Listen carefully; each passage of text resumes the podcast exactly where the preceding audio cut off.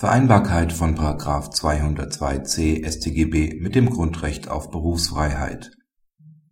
Das Bundesverfassungsgericht hatte sich mit der Frage zu beschäftigen, ob der neue § 202c StGB bei Personen, die beruflich mit Schadsoftware und Hackertools umgehen müssen, einen unzulässigen Eingriff in das Grundrecht auf Berufsfreiheit darstellt der 2007 eingefügte § 202c StGB stellt in Absatz 1 Nr. 2 auch die Herstellung, Beschaffung und Verbreitung von Computerprogrammen unter Strafe, die zur Begehung von Straftaten nach den §§ 202a und 202b StGB bestimmt sind. Dies betrifft zum Beispiel Programme, deren Zweck das Ausspähen fremder Rechner und die Überwindung von Sicherungsvorrichtungen wie etwa Passwörtern oder Firewalls ist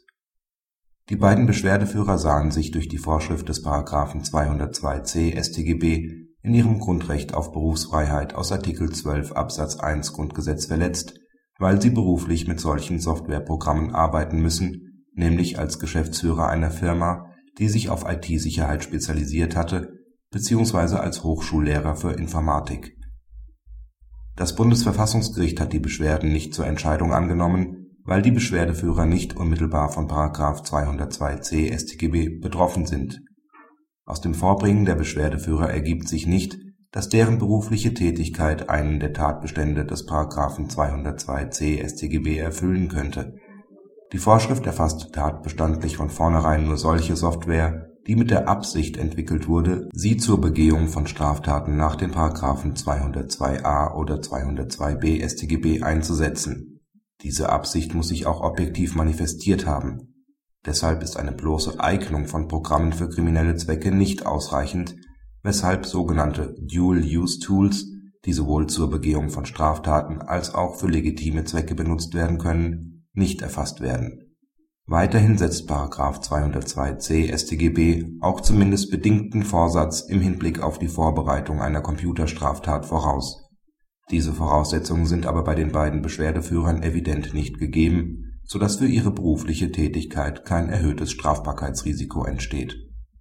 Praxishinweis Der neue § 202c StGB hat für beträchtliche Unsicherheit bei denjenigen gesorgt, die sich beruflich mit IT-Sicherheit beschäftigen und dabei auch auf den Umgang mit Schadsoftware und Hackertools angewiesen sind die Entscheidung des Bundesverfassungsgerichts dürfte diese Unsicherheit leider nur teilweise beseitigen.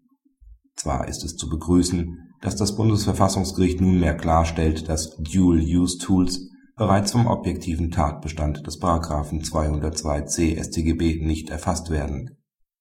Im Einzelfall dürfte deren Abgrenzung zu Schadsoftware im Sinne von § 202c StGB freilich weiterhin ebenso schwierig bleiben wie der Nachweis eines Vorsatzes im Hinblick auf die Vorbereitung von Straftaten nach den §§ 202a und 202b StGB. Personen, die beruflich auf den Umgang mit Hackersoftware angewiesen sind, kann deshalb nur geraten werden, ihre Verfahrensabläufe für mögliche Beweiszwecke genau zu dokumentieren und sich von ihren Auftraggebern ein entsprechendes Tätigwerden ausdrücklich bewilligen zu lassen